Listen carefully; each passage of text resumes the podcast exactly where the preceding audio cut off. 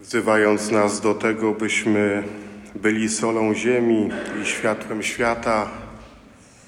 Jezus tak naprawdę zaprasza nas do tego, byśmy dzielili się doświadczeniem Pana Boga z drugą osobą, do tego, byśmy świadczyli o naszej wierze. Z jednej strony może nam się wydawać, że to takie wielkie wezwanie, że jest dla tych, którzy są święci i nieskalani, bo takich się najczęściej stawia na świeczniku. A z drugiej strony to pokazuje, jak bardzo Pan Bóg nam ufa, skoro nas do tego zaprasza.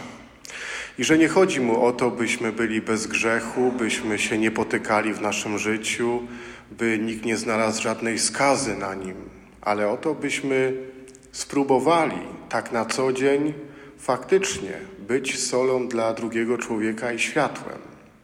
Jak to robić? Sól to jest to, co nadaje smak potrawom. Daje się jej odrobinę po to, żeby lepiej smakowała. I dobrze sobie to zapamiętać, że w naszym życiu mamy być taką solą dla drugiego człowieka.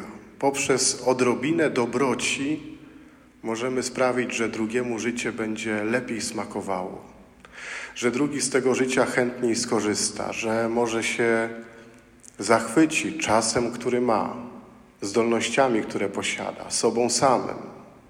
Trzeba dużej umiejętności, żeby tak obdarować słowem, gestem, czynem drugiego człowieka, by to jego życie było lepsze, by to jego życie lepiej smakowało.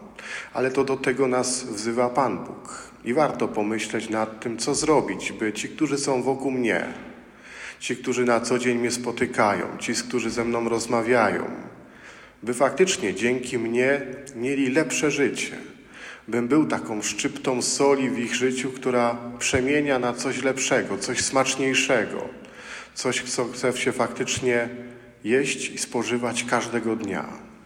Bycie światłem natomiast to pokazywanie drogi po to, by człowiek mógł iść do przodu, po to, by wiedział, gdzie iść, po to, by mógł dojść do celu. To pewnie jeszcze trudniejsze dać komuś takie słowo, dać taki przykład, pokazać takie życie, które ubogaci go mądrością, prawdziwą mądrością, taką mądrością, która mu pozwoli wzrastać, taką mądrością, która będzie go czyniła lepszym, taką mądrością, która go poprowadzi przez życie.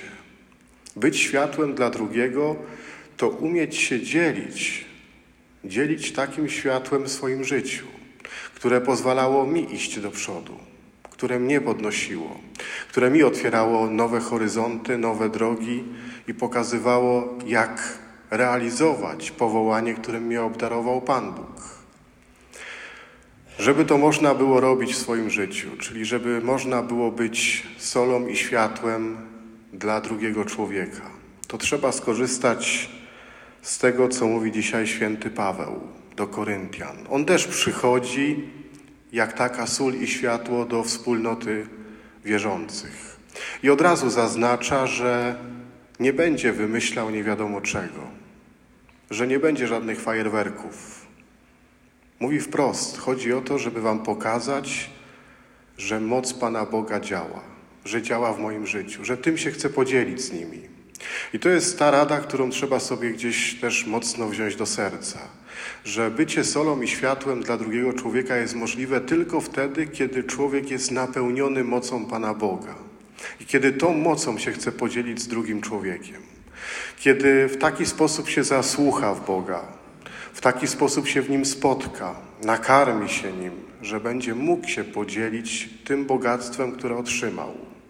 I na tym tak naprawdę opiera się cała historia wiary Kościoła na dzieleniu się mocą Pana Boga, tą mocą, która się rodzi w jednym sercu, po to, aby się podzielić z drugim. Zachęcam, żebyśmy pomyśleli nad tym, jak wygląda życie ludzi wokół nas dzięki nam. Na ile nasze słowa, czyny, gesty, nasze życie wpływa na ich życie. Na ile czyni ich naprawdę lepszymi, na ile pokazuje im drogę i przede wszystkim na ile sprawia, że ich życie im samym lepiej smakuje. Amen.